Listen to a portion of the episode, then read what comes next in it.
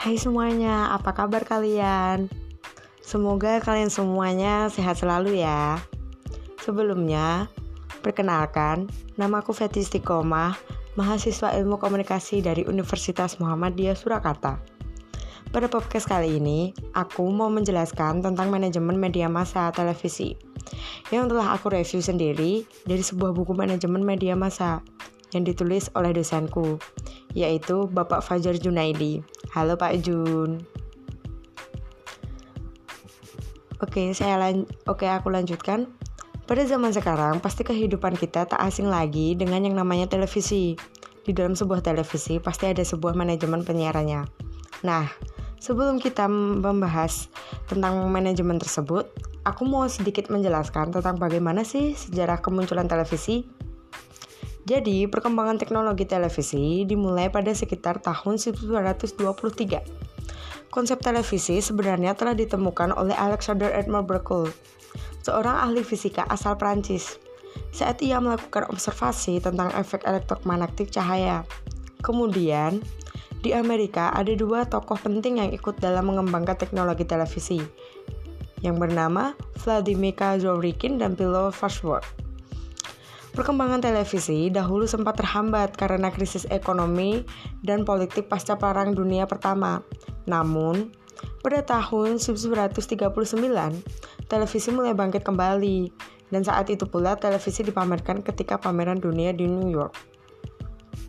Para radio di Amerika, yakni Radio Corporation of America, National Broadcasting Company, dan radio lainnya, juga ikut mensponsori arena pameran televisi tersebut. Presiden Amerika Serikat menjadi presiden pertama yang tampil di televisi ketika National Broadcasting Company menyiarkan pembukaan acaranya melalui siaran televisi. Perkembangan televisi mulai bertambah pesat. Tak hanya di Amerika saja, namun di negara-negara lainnya juga antara lain seperti di Jerman. Di Jerman sendiri menyiarkan layanan televisi pada tahun 1935. Begitu juga dengan di Inggris di Inggris dengan siaran British Broadcasting Corporation. Kemudian di Indonesia sendiri mengalami perkembangan televisi dimulai pada tahun 1960-an. Tentunya TVRI menjadi satu-satunya tel stasiun televisi yang dimiliki oleh Indonesia. Dahulu siaran televisi masih hitam putih karena pada awalnya TVRI digunakan untuk menyukses menyukseskan penyelenggaraan Asian Games yang keempat yang diselenggarakan di Jakarta pada tahun 1962. Namun, pada akhirnya dibentuklah TVRI di daerah seperti di Surabaya, Yogyakarta, dan lainnya. Pada tanggal 1 Maret 1963, iklan di TVRI mulai muncul. Namun, hal itu dihentikan karena iklan dinilai memiliki pengaruh negatif terhadap informasi televisi. Kemudian, pada tanggal 20 Oktober 1987, dibuatlah surat keputusan oleh Menteri Penerangan tentang siaran saluran terbatas yang menandai kemunculan televisi swasta di Indonesia. Pasti kalian sudah tahu dong televisi swasta pertama di Indonesia apa? Ya, betul sekali. Raja Wali Citra Televisi atau kita sering sebut dengan RCTI. RCTI merupakan stasiun televisi swasta pertama di Indonesia.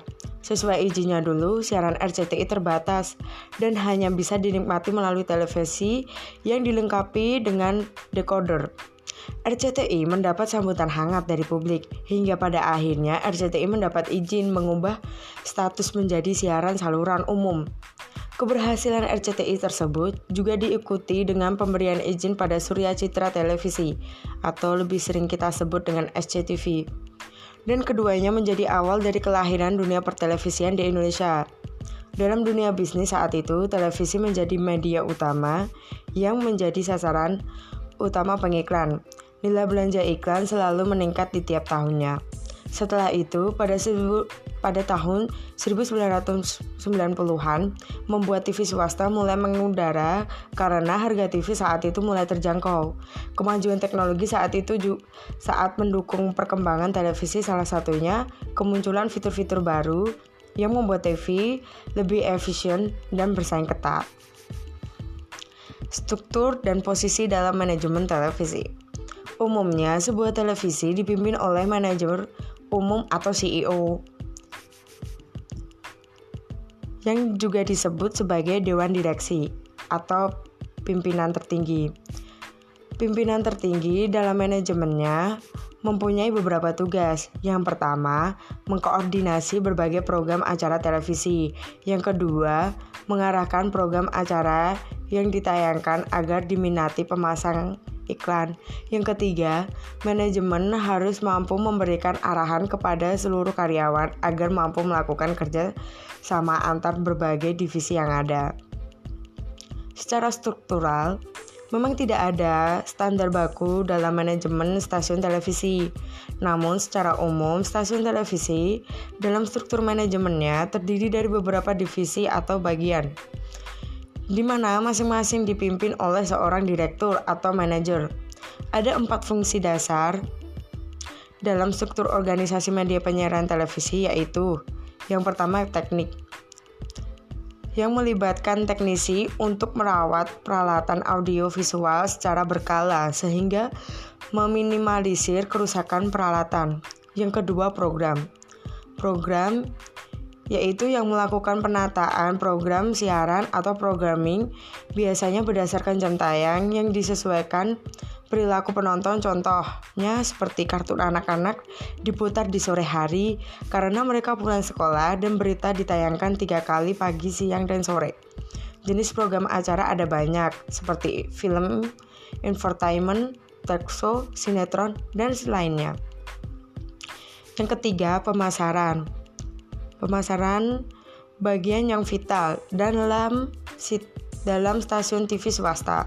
Hal ini berkaitan dengan iklan televisi dan penempatan contohnya seperti iklan snack, minuman ringan yang cocok ditayangkan di sela tayangan kartun.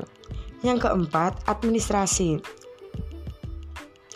Administrasi maaf, administrasi sendiri bertugas bertanggung jawab untuk mengelola sumber daya manusia, pembukuan, pembayaran gaji, dan pengelola, pengelolaan anggaran.